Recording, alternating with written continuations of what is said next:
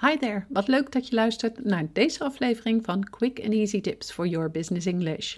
Vandaag heb ik voor jou Improve Your Basics, The 12 Rules of Grammar, deel 1. Mijn naam is Anneke Drijver van Improve Your Business English en de auteur van het boek Master Your Business English, Communicate with Power in 7 Simple Steps. Ik help jou als ondernemer of senior business professional van je middelbare school Engels af, zodat je ook internationaal met impact en vol zelfvertrouwen in het Engels kunt communiceren, maar bovenal volledig jezelf kunt zijn.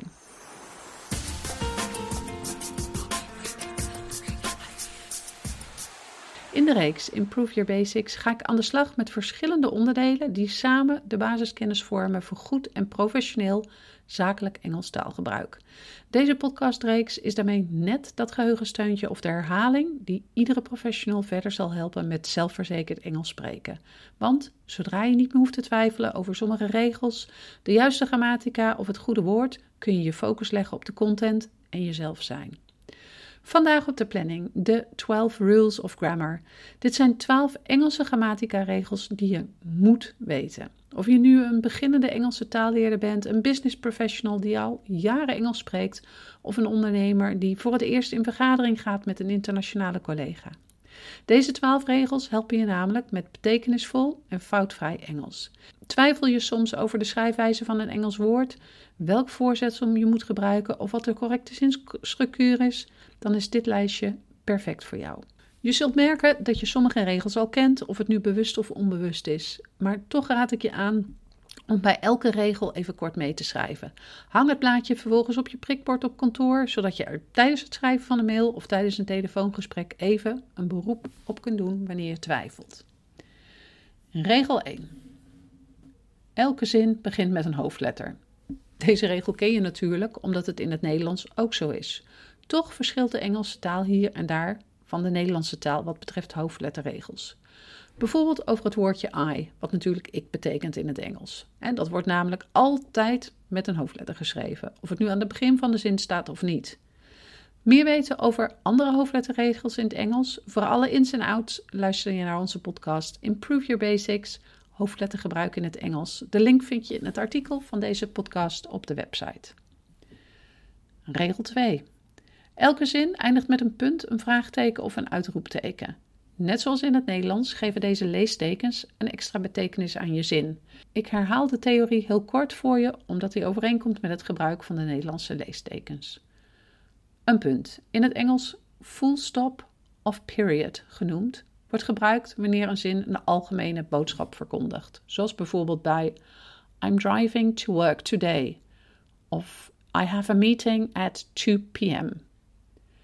Een vraagteken wordt gebruikt in vraagzinnen, zoals At what time do we have the meeting this afternoon? Een uitroepteken wordt gebruikt wanneer je sterke gevoelens wil uitdrukken in een bepaalde zin. Bijvoorbeeld, This meeting was so useful. Regel 3. Elke zin heeft een SVO-volgorde. Een SVO-volgorde staat voor subject, verb, object. Oftewel, onderwerp, werkwoord, leidend voorwerp.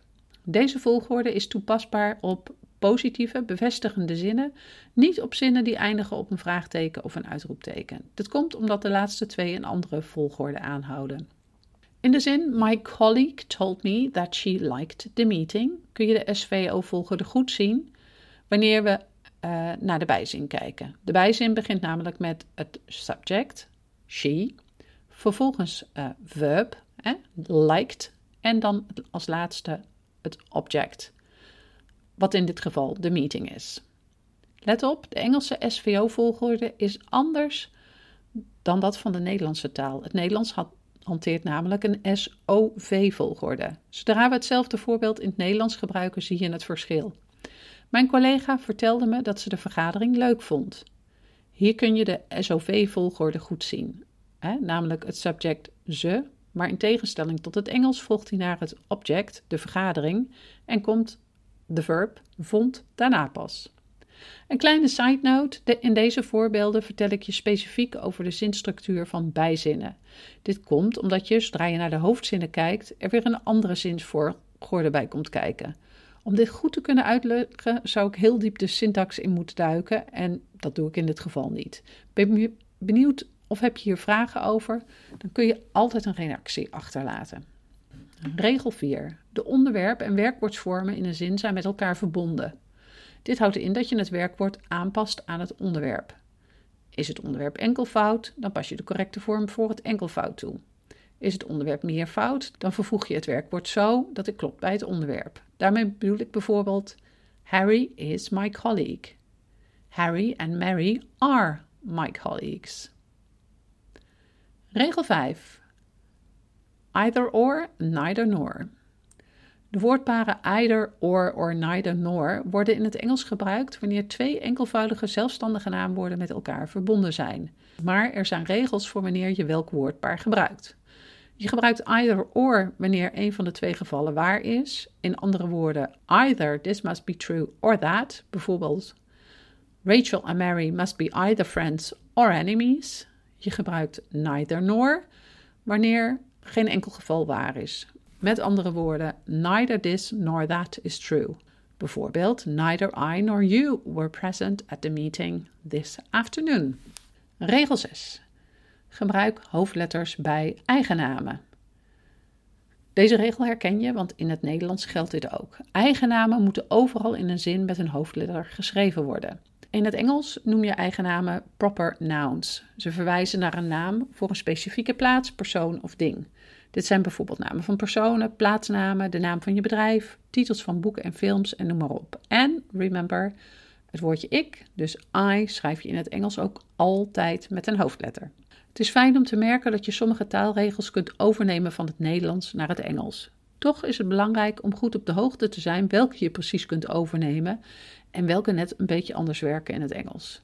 Over twee weken komt daar aan mijn tweede deel van deze podcast uit, waarvoor, waarin ik je de volgende zes grammar rules uitleg. Als je deze aflevering hebt geluisterd, zou ik het enorm op prijs stellen als je een review voor ons zou willen schrijven op SoundCloud of iTunes of een beoordeling voor ons zou willen achterlaten op YouTube. Een reactie van jou helpt anderen weer om deze podcast te kunnen vinden en daarmee hun Engels te verbeteren. See you next time met quick and easy tips for your business English.